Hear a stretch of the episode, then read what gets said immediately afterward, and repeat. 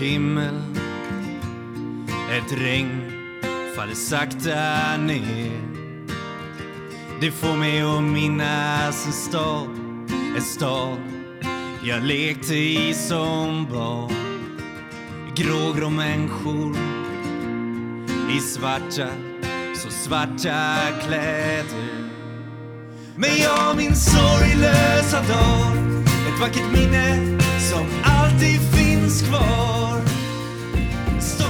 Stockholms gator och torg Ett liv så långt ifrån sorg Ja, hej och välkomna till Beroendepodden avsnitt 66. Mitt namn är Anneli och med mig har jag min medarbetare Annika. Ja, Hej. hej Anneli. Eh, det, det här är en podcast om alla olika sorters beroende, missbruk, medberoende och psykisk ohälsa. Och vi som eh, driver podden eh, lever själva nyktra och drogfria. Ja. På lördag har jag faktiskt 10 år. Det Som nykter. Wow. Ja, som nykter alkoholist. Mm. Då ska det firas. Då ska det firas. Ja. Det är helt galet. Jag hajar inte. 10 år. Mm. Ja, Eh, men det är väldigt långt. det är Lång tid. Det är sjukt lång Mm, tid. mm. Jag, och det är så mycket som har hänt på de här tio åren. Mm. Och verkligen, ja. Äh, det är häftigt. Det ska firas med Flatenloppet faktiskt. Mm. För det är samma dag som Flatenloppet går som vi Mm. eh, arrangerar för att bryta tystnaden kring psykisk ohälsa och beroendeproblematik. Så för Mm. er som eh, vill komma och springa Flatenloppet och inte har anmält er ännu så går det faktiskt att efteranmäla sig på plats. Mm. Eh, så. Vi har ju blivit ett Arvsfonden-projekt sedan i somras, eh, Beroendepodden, och det är där du också kommer in i bilden. Det är därför du har blivit min medarbetare. För er som lyssnar och inte har hängt med riktigt eh, varför Annika helt plötsligt ploppar upp i podden. Så. Eh, och dels är det ju du, det är du som är kvinnan bakom de sociala medierna. Ja, precis. Så det går jättebra om man vill få kontakt med bara mig att skriva, att man gärna vill få Mm. kontakt med bara mig. Men Precis. annars är det ofta du som kanske svarar här framöver lite grann. Ja. Eh, Men däremot så har vi också från och med nu dragit igång lite olika aktiviteter och grupper för våra lyssnare och alla som vill. Eh, Och dels har vi dragit igång eh, löpgruppen Running for Serenity. Vill du berätta Mm. lite om den?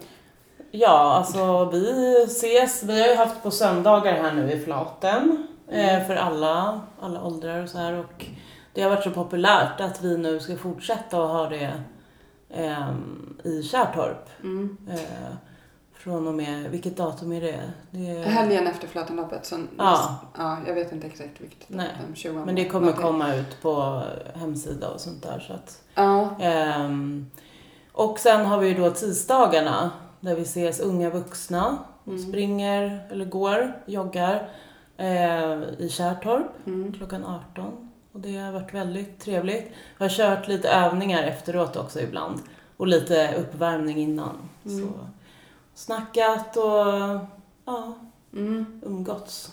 Mm. Väldigt uppskattat också. Och, ja, nej, men det är jättetrevligt och alla är välkomna och det är gratis. Mm. Eh, och som sagt, vi ser till så att alla kan vara med. Vi har eh, gå och joggrupp, vi har joggrupp och löpgrupp och sådär. Eh, och tisdagar är för unga vuxna och på Mm. söndagar så har vi ju alla åldrar. Mm. Så, och varför vi flyttar från eh, Flaten till eh, i Kärrtorp på söndagar är för att eh, Flaten faktiskt inte har någon ljusslinga. Och nu när mö- mörkret kommer så kommer vi Mm. inte se vart vi springer. Om inte alla har pannlampor, men alla har ju inte pannlampor så. Sen har vi nu vecka 38 en sorgbearbetningsgrupp som drar igång. Där jag är handledare och jag är utbildad sorgbearbetare. Och eh, det finns några platser kvar så är man intresserad av att delta där så kan man gå in på hemsidan beroendepodden.com och eh, läsa om det och mejla mig. Så som sagt, det finns några platser kvar.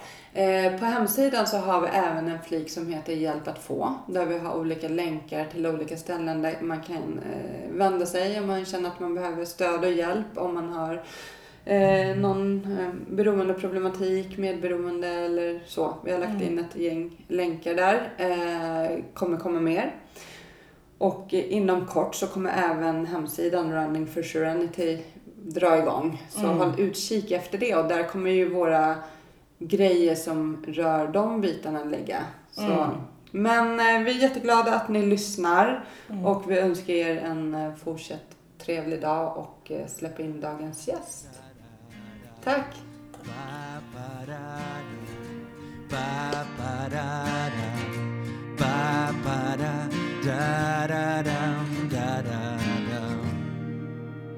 En dyster T-baneperrong Ett liv inrutat i betong. Stäng ut det andra med musik. Fokusera allt på att bli rik.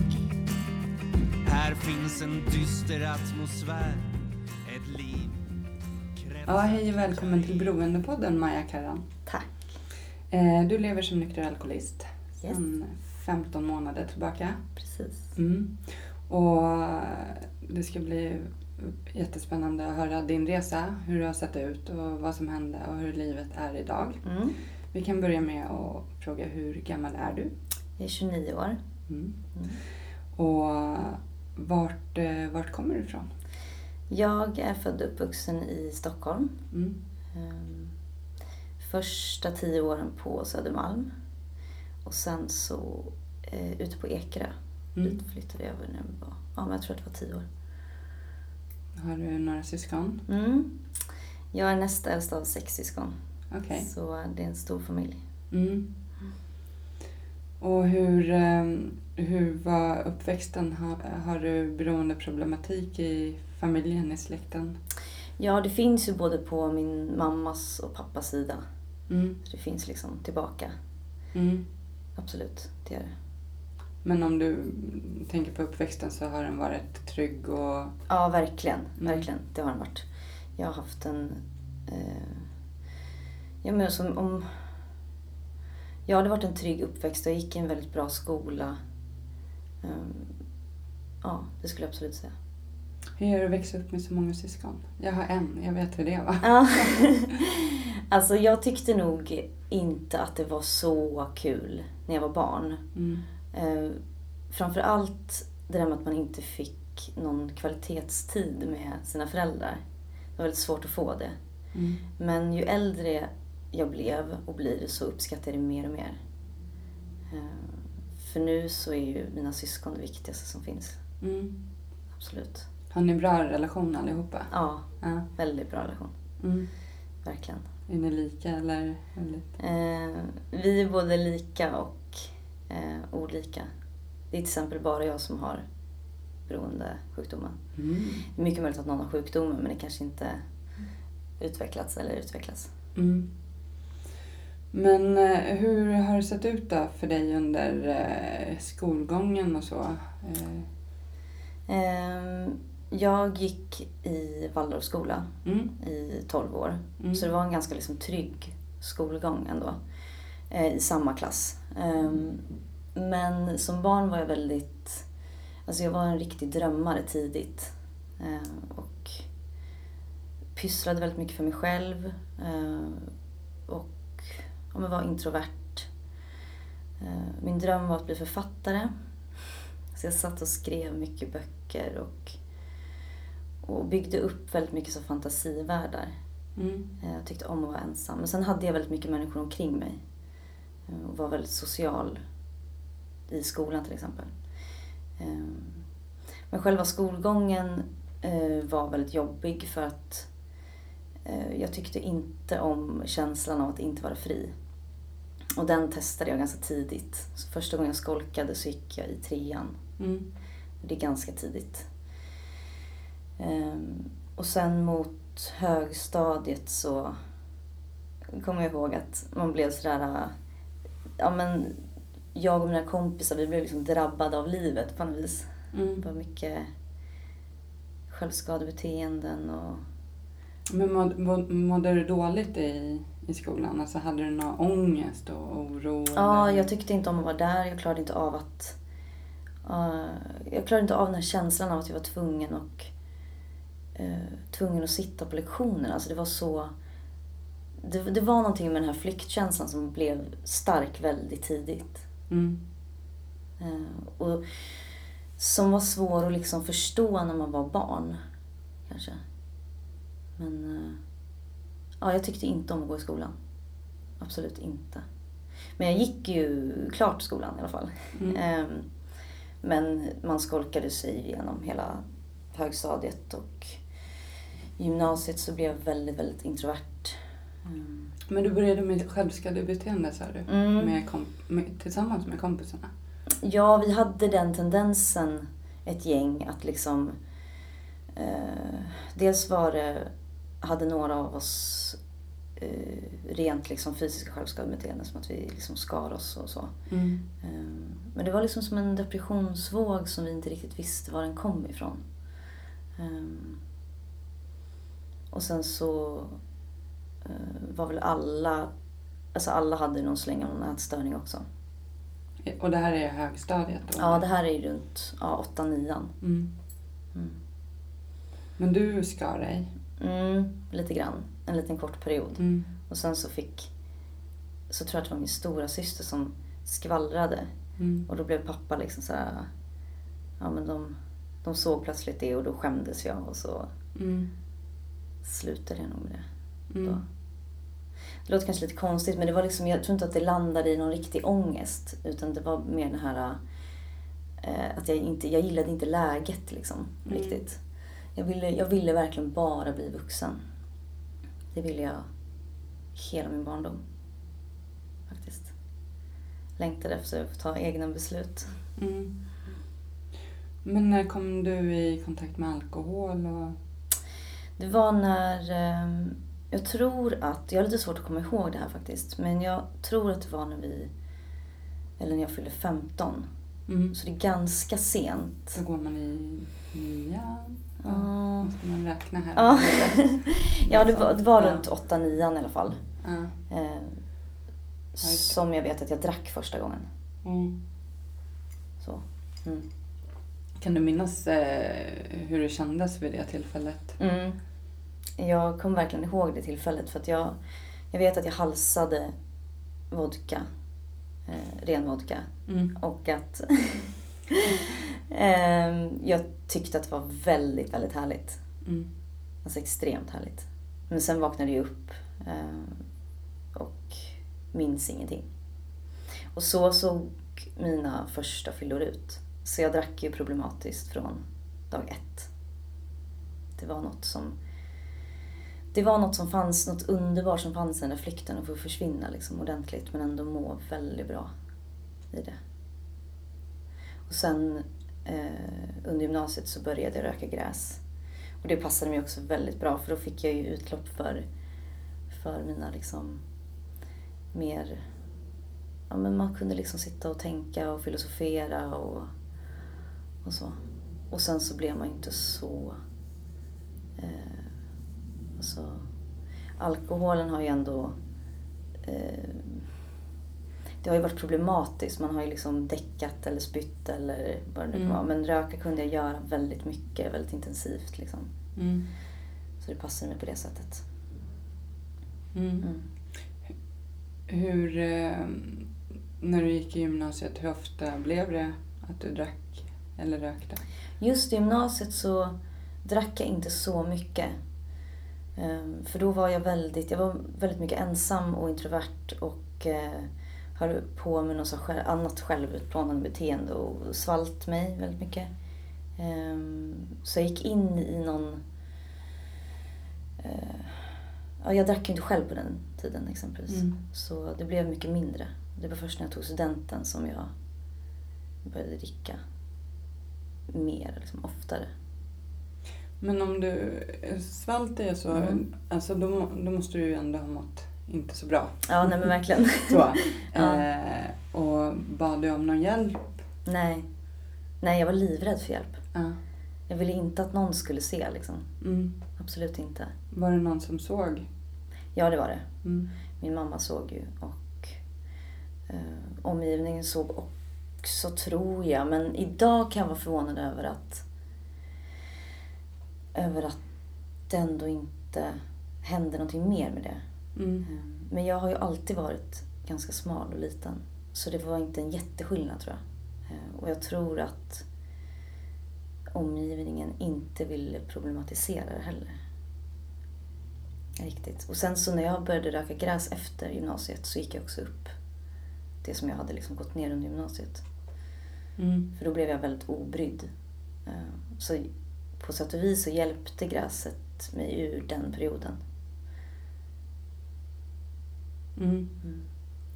Men eh, hur såg... Eh, hur liksom... De, när du hade problem med maten till Mm. exempel så var... De såg ju, men sa, var vad sa de? Ehm, Jag vet att mamma sa att hon skulle skicka mig till en ätstörningsklinik om inte jag gick upp i vikt. Mm. Och då blev jag ju så himla rädd. Jag ville ju verkligen inte det. Mm. Ehm, Och då, så, då tror jag att jag tillsammans med att jag började röka gräs eh, och flytta hemifrån och så träffade jag också en kille. eh, Som det liksom löste sig lite naturligt om man ska säga. Mm. Men jag borde ju absolut ha fått eh, hjälp med vad det kan ha berott på. Liksom. Mm. Vad tror du liksom att allt det här började? Föddes du eh, som beroende människa eller? Ja, det tror jag. ja. Det tror jag absolut. Mm. Eh, Jag kan se eh, min sjukdom ganska långt tillbaks ändå. Mm. Eh, Just med, med rädslan för verkligheten, att inte vilja vara kvar. Och ja, men den här liksom flyktbeteenden som blev väldigt uppenbara sen när jag blev nykter.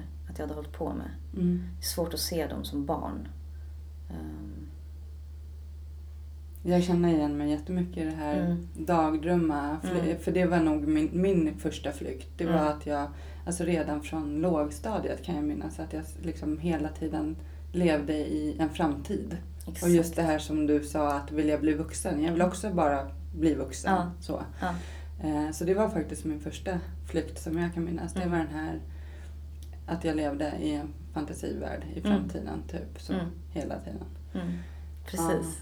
Men, eh, men, men du har ju ändå nått din botten väldigt tidigt. Ja, Det är ju superskönt. ja. Kanske, antar jag att du tycker.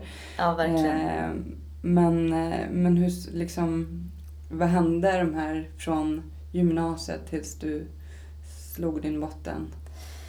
Ehm, jo, men när jag var eh, runt 20 där så träffade jag en kille.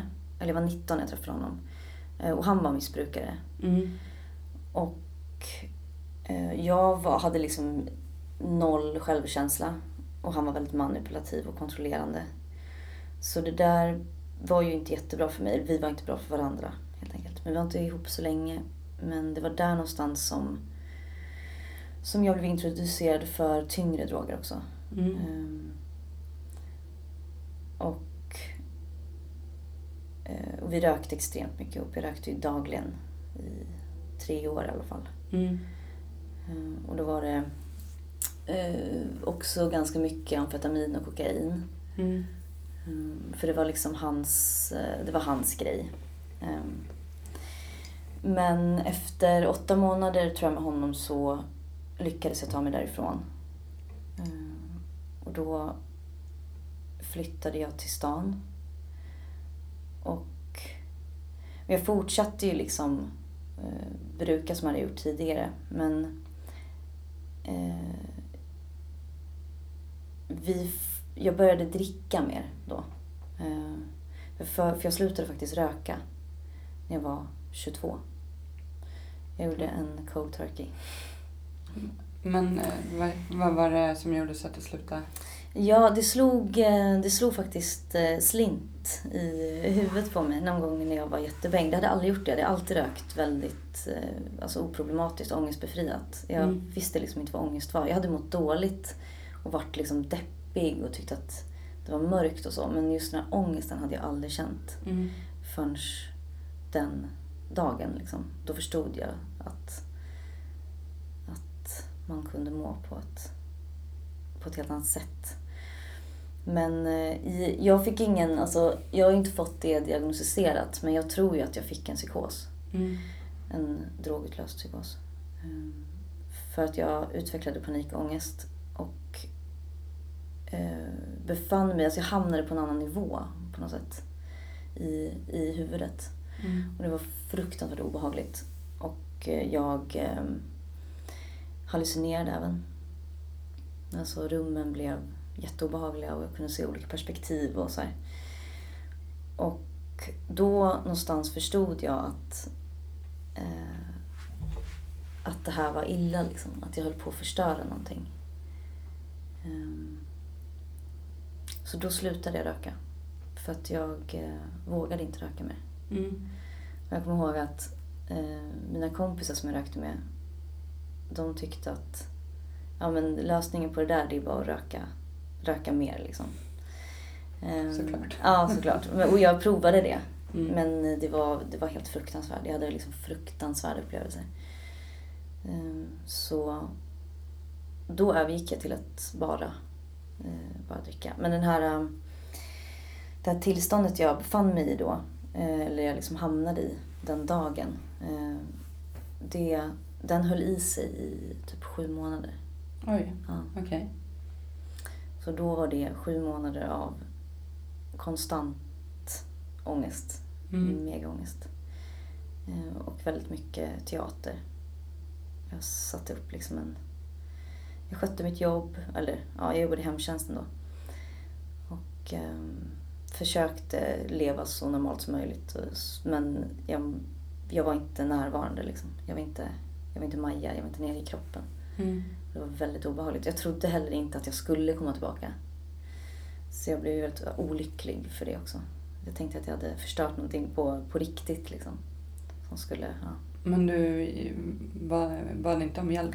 Nej, jag vågade inte. Nej. Jag var så rädd att de skulle säga att det hade skett någonting permanent. Okej. Mm. Ja. Och att jag inte skulle klara av det. Eh, Så jag... eh, Jag har ju alltid gjort så på något sätt. Att när jag har mått dåligt eller det har hänt någonting så har jag liksom valt att inte berätta det. Jag har haft, jag har haft mina eh, bästa, bästa vänner som jag har berättat allt för. Men inte...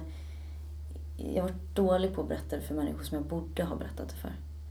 Eh, Och då är det ju inte lätt att se Mm. att någon mår dåligt. För jag har varit väldigt bra på att liksom spela teater och sagt att allting är väldigt bra. Och, ehm, fast jag har ja, gått runt med väldigt mycket ångest. Mm. Men jag fick ingen hjälp. Men eh, sakta men säkert när jag slutade röka då. Eh, och då slutade jag med alla droger då, förutom alkohol. Ehm, då började liksom dagarna sakta men säkert efter typ fem sex månader bli lite, lite bättre. Eh, och då kunde jag vakna och må bra. Och sen så kunde jag ha en förmiddag som var bra och sen så sträckte det sig till eftermiddagen och sen så ja, till slut så kunde jag uppleva en hel dag och då hade jag liksom landat tillbaks. Det Mm. gick väldigt långsamt men, men eh, det gick. Jag kom tillbaka från Mm. det. Men där så... Eh, jag, jag, så som sagt, jag slutade ju inte dricka. Eh, utan då började jag, när jag hade slutat röka och då så började jag dricka ännu mer. Eh, och då umgicks jag ju bara med likasinnade som drack som jag. Och då var det ju fest. Jag kommer ihåg att vi hade vilodagar på söndagar. Och sen så körde vi liksom. Mm. Och jag jobbade ju samtidigt. Men jag kan också minnas att det var ganska liksom bekymmersfritt drickande. Man förstod liksom inte allvaret. Just för att man omgav sig med, med folk som var likadana och sådär. Så man, liksom inte, man problematiserade det inte. Utan man tänkte, men det här löser sig när vi... Ja, men när man blir vuxen och så ska man ha barn någon gång och man... Ja, man kommer liksom... Man kommer gå vidare från det här. Det här är en period. Mm. Så tänkte jag väldigt mycket. Men ju äldre jag blev desto mer insåg jag ju att det är nog inte en period. Utan det är något, det är något annat. Eh, och sen så vet jag att när jag var 22 och så, så, så tog min pappa mig åt sidan och sa att jag drack för mycket. Och det var en... Eh, jag minns det så himla starkt för det var så fruktansvärt jobbigt. Jag hade varit ute hos mina föräldrar och eh, så hade jag eh, druckit eftersom att vi alltid liksom haft vin hemma. Och jag hade druckit alldeles för mycket och han såg att jag drack väldigt mycket men att jag inte blev full. Mm. Ehm, Så han förstod någonstans att, att jag hade också en, en eh, vad säger man? Hög. Ja men precis, att jag Mm. hade Ehm, men för mig var det väldigt jobbigt att höra det för det var första gången jag förstod att, att det, här liksom, det här kan ju synas. Ehm, och jag kommer ihåg att från den dagen så bestämde jag mig också för att nu måste jag skärpa mig. Och eh, gick väldigt så hårt in i det. Eh, men lyckades absolut inte. Och då blev det ju att jag insåg att då behöver jag ju dölja det. Så från att ha druckit väldigt liksom bekymmersfritt och ganska barnsligt eh, till att liksom eh, börja, ja, men börja dölja, börja ljuga eh, och spela liksom, ja, spela teater. Men drack du ensamhet och så eller? Ja, det var där någonstans det började också. Mm. Ehm, för jag har ju liksom alltid trivts väldigt bra i, min, i mitt eget sällskap och varit introvert och så. Men... Eh, och tillsammans med alkohol så blev ju det... Eh, tyckte jag att det var perfekt. För då kunde jag verkligen så försvinna in i min egen, i min egen värld helt och hållet. Och det var ingen som såg och det var ingen som dömde. Um, så det började jag göra runt den tiden. Och det fortsatte jag med och det var ju ensamdrickandet som också blev min botten. Ehm, men det var, sen så när jag var 25 så började jag började jag googla eh, väldigt ofta. Så det var säkert två, tre gånger i veckan som jag började googla möten och eh, behandlingshem och eh, retreats och grejer. Men jag åkte aldrig på det. Mm. Men jag, då, liksom, för då, någonstans så började jag inse att, att, eh, att, jag hade, att jag verkligen hade problem. Mm. Men försökte du sluta själv då? Ja, ja, verkligen. Jätte, alltså ja, ja, absolut. Eh, försökte kontrollera varje gång jag skulle dricka så lovade jag mig själv att det bara skulle bli en flaska vin, jag fick inte dricka två. Eller, för jag förstod någonstans att ett glas vin kommer jag inte dricka, men jag kan åtminstone sluta när flaskan är slut. Mm. Liksom. Men det funkade ju aldrig någonsin. Ehm, Det var verkligen ett begär som tog över helt och hållet. Och så har det ju alltid varit. Jag har ju aldrig kunnat sluta dricka. Bestämma mig för det liksom. Som omgivningen kunde göra. Och de som jag drack med när jag var yngre, Mm. de slutade ju dricka på det där sättet.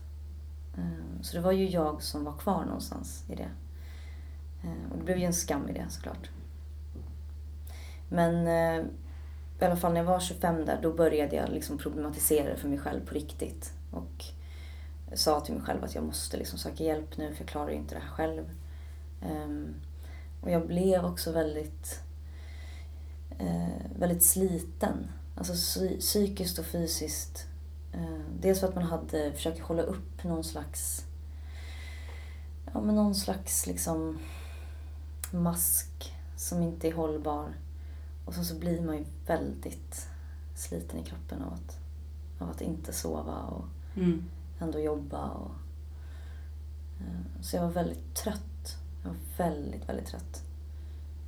Ehm, eh, och sen så flyttade jag till eh, Gävle. Eh, och det var hösten 2016. Varför flyttade du till Gävle? Jag började plugga. Mm. Mm. Jag eh, jobbade som personlig assistent i Stockholm innan. Men kände att jag var tvungen. Jag hade stått still så länge liksom. Och Mm. jag var 27 då va? Mm. Och kände liksom att det händer ju ingenting här. I mitt liv. Jag, det, det enda som mitt liv går ut på är ju att, att jobba, ha dåligt med pengar och dricka. Mm. Fast jag ville så mycket mer. Jag ville ju liksom någonstans eh, leva och visste någonstans att jag var kapabel till mer än så. Men jag var i någon slags eh, återvändsgränd. Jag hade liksom ingen lösning på, Mm. på mitt problem. Men då flyttade jag i alla fall till Gävle och där blev jag ju själv. Ehm, Jag hade en liten etta där. Och kände ingen. Och jag förstod ju att... Jag förstod innan jag flyttade dit att det skulle bli farligt. För jag ensam eh, som aktiv är livsfarligt. Ehm, och det blev ju precis så som jag hade fasat för. Ehm, så två månader eh, bodde jag i Gävle innan jag eh, tog kontakt med Beroendecentrum. Och det var liksom första gången jag bad om hjälp. Och jag kommer ihåg att jag ringde måndag morgon. Eh, och var helt förstörd. Och då var jag riktigt less. Ehm, för jag skulle ju vara där och plugga och sköta mina studier. Men så var det ju verkligen inte. Och då fick jag i alla fall en tid hos, eller på Beroendecentrum redan nästa dag. Mm. Eh, Och så fick jag träffa en sköterska där. Och så kommer jag ihåg att jag fick skriva någon, så här, göra någon, eh, något, lägga något alkoholschema över senaste månadens alkoholkonsumtion och så. Men jag kommer ju liksom inte ihåg vad jag har druckit eftersom att jag alltid har fått väldigt mycket minnesluckor och så. Så jag vet ju inte, men jag vet i alla fall att blodproverna visade på att jag hade druckit väldigt mycket över, över lång tid. Eh, och då fick jag antabus. Och antabus eh, åt jag i fyra månader. Och det kommer jag också ihåg att när hon hade givit mig den första antabuskuren så, så var det som att jag liksom vägde tusen kilo mindre plötsligt. Det var så skönt. Och så sa hon så här. Ja, Maja, nu kan du inte dricka mer. Ehm, och det var så fruktansvärt skönt att någon bara tog det ifrån mig. Mm. Ehm, Så där gick jag på rosa moln. Ehm, För jag kunde inte, alltså jag behövde inte stå och dividera. Jag kunde inte dividera med mig själv. Ehm, Och det var, så, alltså det var fruktansvärt skönt. Men då åkte jag i alla fall in i en period ehm, av något extremt extremt hälsosamt. Mm. Så jag gjorde liksom en, en total omvändning. Eh, Jag började, började träna väldigt hårt. eh, Och jag mediterade varje morgon. Jag gick och la mig extremt tidigt på kvällarna. Jag gick upp väldigt tidigt. Och eh, jag levde i princip bara på frukt. Eh, s- Och, jag mådde ju väldigt, väldigt bra Mm. eh, tyckte jag. För att det var ju en väldigt stor skillnad mot hur jag hade levt. Eh, så det, när jag ser tillbaka på det så var det ju helt riktigt. Jag mådde ju verkligen otroligt mycket bättre. Men jag hade ju inte förstått att jag hade en, en dödlig sjukdom där. Eh, Så att jag följde tillbaks efter fyra månader. Eh, För du, du fick antibus och så gjorde du din egen eh, Mm. förändring. Men Exakt. fick du något annat stöd liksom under de Nej. fyra månaderna? Nej, jag bad om samtal. eh, Men det var för långa köer så jag fick inte det. Mm. Och sen så nämnde jag själv tolvstegsprogrammet Mm. eftersom att jag hade varit inne och läst lite och så. Mm. Men de var liksom skeptiska på något sätt, tyckte jag. De uppmuntrade inte mig till det. Mm. Eh, och sen så när jag själv, för jag själv avslutade ju den här eh, antabusperioden och sa till dem att eh, nu tror jag att jag vill börja dricka igen och ska försöka dricka som, som normala människor. Och det tyckte hon var en jättebra idé. Eh, så hon trodde på mig i det. Mm. Så, så hon var liksom ganska ivrig på att skriva ut mig där. Och det var ju toppen för mig för det var ju precis det jag ville. Eh, då- Men trodde du själv att du skulle kunna dricka Eh. lag, lagom som normala? Eller- alltså, jag hoppades ju. Jag Mm. hoppades verkligen det. Vi hade ju en sån separationsångest. Mm. Ehm, men, eh, ja, men jag tänkte liksom att nu kan jag äntligen bli en sån där tjej som sitter och suger på ett glas kava i en och en halv timme. men eh, jag... Eh, första gången jag drack efter att jag slutat med antabus så hade jag fortfarande antabus kvar i kroppen. Mm. Och eh, då vaknade jag upp på mitt golv med kläderna på mig och mådde pissdåligt. Eh, Och någonstans, och, men då skyllde jag på liksom att så, ja, men det var för att jag hade antabus kvar i kroppen. som det blev så illa liksom. Men, eh, men så var det ju inte utan det var ju, det, det var ju som att jag drack igen de där fyra månaderna Mm. på en och en halv månad. För det är ju det som är med sjukdomen. Den är ju Mhm. progressiv. Så bara för att man har haft ett uppehåll så är ju inte sjukdomen... Den är ju fortfarande där. Många. Ja, Mm. och det var ju det som jag inte hade förstått. Jag hade inte förstått någonting. Um, alltså, det gjorde jag ju, började jag ju först förstå när jag kom till, kom till tolvstegsprogrammet. Mm. Ehm, Men som sagt, när jag, när jag liksom började då dricka igen efter en antibus, då, det var ju då den månaden som jag verkligen nådde min botten. Mm. Eh, Och det var en radda händelser som... Jag började även knapra eh, lite benzo och så. så Mm. att det var ingen jättebra kombination. Mm. Så det gick fort. Ehm, Och var det något som du hade gjort innan eller? Nej, faktiskt Nej. inte. Mm, nej. Jag var lite rädd för det faktiskt. Mm. För att jag visste att jag drack mig så duktigt till de minnesluckorna själv. Mm. Så att jag inte... Men eh, av någon anledning så, så gjorde jag det då. Ehm,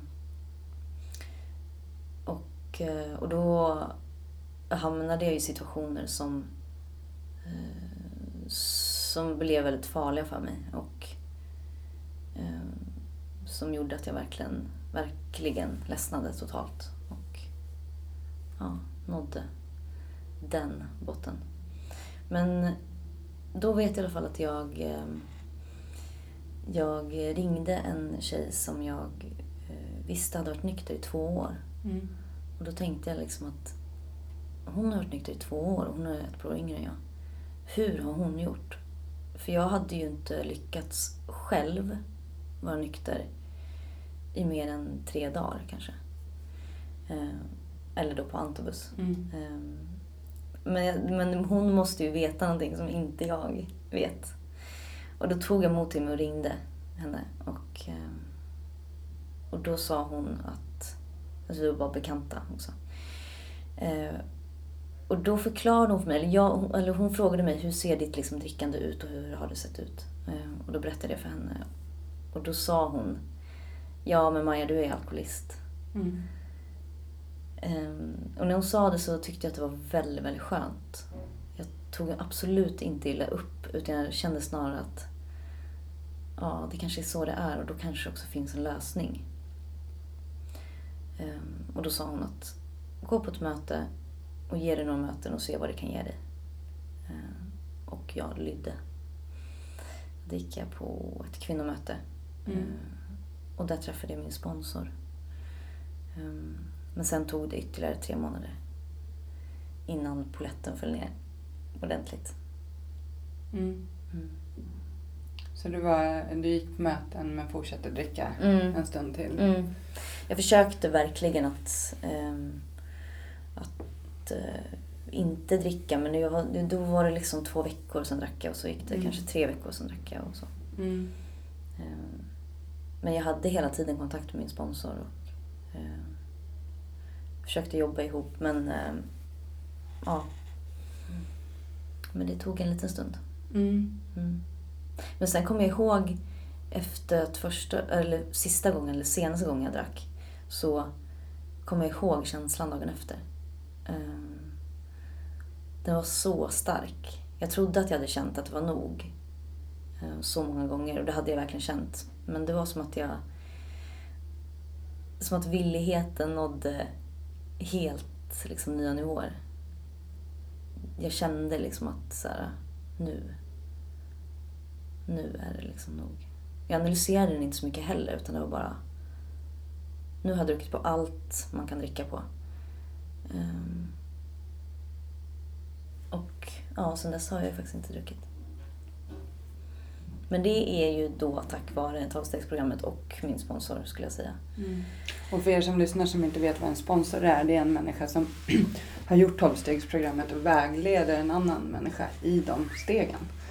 Eh, är det. Mm. Så det är en nykter alkoholist som Ja. hjälper en annan alkoholist. Om Ja. det är i, i, i en sån gemenskap. Det finns ju många olika gemenskaper beroende på vilken eh, eh, huvudproblematik man har, eller vad man säger. Ja, Så. precis. Så det, det är fint. Ja, det är jättefint. Det har varit helt eh, ovärderligt för att hon lärde mig sådär fundamentala saker som, eh, som var jättesvåra för mig att, att förstå. Och det var ju det liksom ärlighet, ansvar, villighet. Sådana ord som jag inte hade, Mm. inte hade förstått. Mm. Man trodde någonstans att man var smart liksom och hade varit ute i universum och rotat men förstod inte ordet ansvar Mm. alls. Så det var väldigt intressant. Verkligen. Och sen så minns jag också att man var väldigt alltså extremt självömkande för, alltså första tiden. Mm. Väldigt mycket separationsångest och eh, hopplöshet och så. Innan det försvann liksom. Och den, som jag tycker då, liksom den så här riktiga friheten infann sig. Exakt att jag har en sjukdom som jag måste ta ansvar för, för det kan ju ingen annan göra åt Nej. mig. Riktigt. Och ehm, det var ju heller inte förrän jag var ärlig med min familj. För det tänkte jag ju heller inte vara. Mm. Jag tänkte liksom att jag blir nykter men det är ingen som får veta att jag går på möten eller att jag liksom... Ja, att det, att det är, att det är liksom allvar. Utan jag ville gärna att det skulle... Men man, jag gick runt med liksom väldigt mycket skuld och skam och... Ja. Ehm, Men det var ju inte förrän jag var ärlig med Mm. de som, som jag också fick en, en villighet som till slut gjorde mig nykter. Mm. Eh, Och det var väldigt häftigt att se hur de två, alltså ärligheten och villigheten, gick hand i hand. Liksom. Hur har resan sett ut i nykterheten? Jag har haft ett jätte, jättefint första år, Mm. tycker jag. Eh, otroligt fint. Eh, jag... Eh, det gick ganska fort för mig att... Alltså när jag väl hade slutat kämpa Mm. så tyckte jag ändå att jag landade i nykterheten på ett väldigt skönt sätt. Alltså det var... Jag har inte tyckt att det är jobbigt att vara nykter. Eh, utan tvärtom. Eh, jag njuter verkligen varje dag eh, av att få vakna nykter. Och känner mig fri på ett sätt som jag liksom inte trodde att man kunde känna. Just för att den, om man slipper den, den här mentala besattheten som också blev väldigt uppenbar i efterhand. Den är svår att se när man är i den. Men första månaden i nykterheten så, ja, så såg jag liksom hur, hur man hade kämpat alltså så länge. Och att jag äntligen fick eh, sluta kämpa och liksom vila. Så jag har eh, haft ett, eh, jag har haft ett bra år. Jag har gjort tolvstegsprogrammet. Eh, och det har varit spännande. Det har varit jättespännande. Verkligen. Eh, och som sagt, eh, få ha min sponsor som liksom... Eh, hon har ju väldigt många års nykterhet. Mm. Och... Ja, men jag, jag lär mig väldigt mycket. Vad, vad har du för verktyg som du känner liksom, som du använder dig av idag? Hänger du med vad jag menar? Mm. Mm. Mm. Eh, det är nog... Det är nog ganska, ganska många olika tror jag. Eh, men dels så är det ju att jag går på möten. Eh. Hur ofta går du på möten?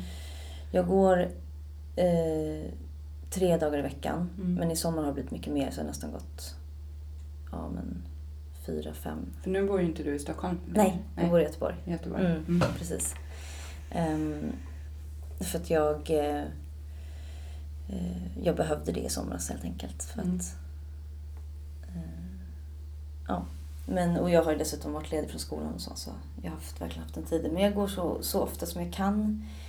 Och sen så eh, försöker jag hela tiden att inte springa ifrån mig själv utan, utan ta det lugnt och göra det enkelt för mig. Och eh, jag använder mig jättemycket av eh, bön också. Mm. Ehm, som jag tycker är, har hjälpt mig jättemycket. Verkligen. Mm. Eh, Mm. Hur är... Jag går, jag går fortfarande på möten. Jag har snart eh, tio år. Men, men jag går fortfarande... Alltså jag sa det tidigt, så sa jag det att minst ett möte i veckan. Ja. Det är liksom... För det är en sån... Egentligen... Alltså för mig är det min medicin mot min sjukdom. Och det är, det är så lite egentligen mot hur det såg ut förut. Vad man behöver göra idag för att må bra och hålla sig nykter. ja, det är petitesser. Ja. Och just det här att det är en sjukdom. Jag, jag kommer alltid ha den. Jag kommer Mm. ju aldrig bli frisk. Nej. Men däremot så kan ju jag välja hur jag vill må och leva idag genom Mm. att göra de här små grejerna som att gå på möte, hjälpa andra människor. Precis. Eh, tacksamhet är någonting som jag praktiserar väldigt mycket. Ja, absolut. Men hur ser din, den här hälsoresan ut? blir jag lite nyfiken på. Som du gjorde där när du började med Antibus. Håller Ja. du fortfarande på en, med träning? Och... Nej, det blev faktiskt så att jag, när jag, eftersom att jag gick upp i träningen så extremt mycket Mm. och eh, jag har även haft en, en period med träning när jag eh, drack också. Mm. Ehm, och då har jag blivit liksom extremt kroppsfixerad. Ehm, jag har inte mått bra av det. Mm. Så när jag kom till tolvstegsprogrammet och blev nykter så eh, bestämde jag mig att, för att jag inte fick träna. Mm. Eh, utan att jag skulle ta det viktigaste först. Mm. Och, eh, och jag tror att det var bra. Mm. För att jag behövde ta det lugnt. Jag ville inte ha den här plastlösningen. Jag ville inte göra om. Eh, Jag, jag behövde göra annorlunda än vad jag hade gjort tidigare. Så jag, eh, jag bestämde mig för att jag inte fick gå upp i en träning helt enkelt. Mm. Eh, Och det har varit väldigt bra för mig, tror jag. Eh, Men eh, så småningom, Mm. absolut. Jo, träning är jättebra men ibland kanske man behöver ta en paus från Mm. det också. Mm. Något som jag vet att många är nyfikna på som Mm. lyssnar på podden och som jag också vet är väldigt vanligt det är liksom att man hoppar mellan olika beroende och så. Mm. Mm. Eh, känner du att du har gjort det? Mm. Alltså ja, det har jag gjort. Ehm, Men jag har ju alltid haft eh, alkoholen som, som huvuddrog. Mm. Definitivt. Men, eh, och, och gräs då, den, den perioden liksom innan Mm. jag slutade. Men, men sen har jag ju jag har ju förstått att jag är en allt eller inget människa. Så Mm. vad jag än ger mig in på så blir det ju en överdrift. Mm. um, åt något håll. Alltså ska jag vara hälsosam så blir jag ju extremt hälsosam. Mm. Ehm, och är jag ohälsosam så blir det extremt ohälsosamt. Så det är liksom det är den här, det är den här balansen som man inte riktigt eh, har samma pejl på som beroendemänniska tror jag. Mm. Det är ju lätt att prata om balans med om liksom, människor som inte har eh, beroendeproblematik. Mm. Men för mig kanske balans är någonting helt annat. Men så jo, alltså jag har ju gått upp i, absolut, alltså jag har ju gått upp i eh, shopping, mat, Mm. träning. Ja. Mm. Jobb har jag faktiskt också eh, försökt, försökt gå upp i, men eh, inte lyckats lika bra som det andra. Ja. Mm. ja, nej men jag vet. Vad, vad är lagom liksom? Vad är lagom? Det är eh, det ständiga. Mm. Man får, jag tror att man får hitta ett förhållningssätt som, som funkar. Men det är väl det ändå som är i att vara i tillfrisknande kan jag tycka. Mm. Det är att, att man förstår hur man funkar. Ja. Och så kan man se, oj, nej, men här blev det lite för mycket av Mm. det här. Så kan man ju rätta till det. Exakt. Istället för att liksom bara Mm. köra all in på det. Som, som man kanske gör annars om man inte liksom har Mm. verktygen eller inte har liksom att, Ja. att man kan se att man håller på så. Liksom. Absolut, man får ju en, en annan medvetenhet Mm. kring sig själv. Liksom. Mm. Än, än förut när man gjorde liksom allting i blindo på Mm. något vis. Eh, Så så är det ju. Eh, jag tycker väl du redan har sagt det men jag frågar ändå. eh, Hur mår du idag? Du, det ser ut att stråla om dig. Mm. Jo, men jag, mår, jag mår jättebra. Ja. Jag mår verkligen bra. Ehm, Jag, ehm, men jag, trivs, jag trivs enormt bra i min nykterhet, måste jag ändå säga. Ehm, Och är alltså helt enormt tacksam för. För att jag gav mig själv den. Mm. Ehm, För det, nu, nu kan jag ju, alltså från den här extrema rädslan för, för att leva i liksom verkligheten till att faktiskt tycka om att vara i den och vara med den. Och folk brukar ju fråga om, ehm, om man inte tycker det är jobbigt med högtider och fester och sånt där. Men jag tycker det var jobbigt förut. För då var jag ju rädd jämt. Ehm, Men nu kan jag ju liksom äntligen njuta av det. På ett annat sätt liksom. Jag tycker, jag tycker att det är underbart att få vara med. Mm. Jag vill vara med. Jag vill inte försvinna liksom. Så som jag ville förut. Mm.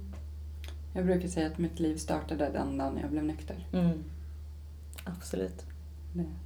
Är det någonting du skulle vilja säga till lyssnarna innan? Eller är det något vi har missat som du känner att du...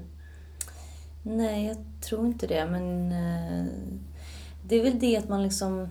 Eller att jag, jag skulle vilja säga att man verkligen ska våga våga släppa identiteten som man har byggt upp kring sitt eventuella missbruk. Mm. Eh, Det tror jag är viktigt. Och eh, våga titta vad som finns bakom. För det finns så mycket mer än, än den personen som liksom missbrukar. Mm. Tack för att du kom och delade med dig. Tack så jättemycket för att jag fick komma. All lycka till i framtiden. Tack.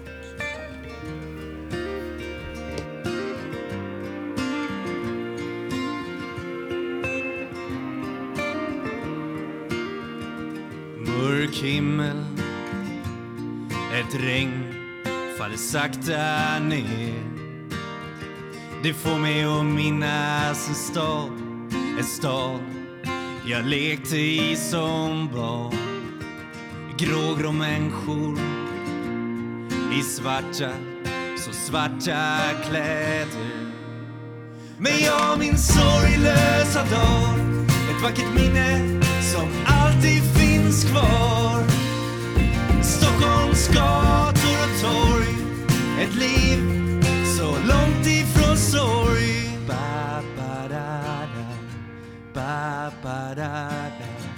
Ba, ba, da, da, da, da, da, da, da.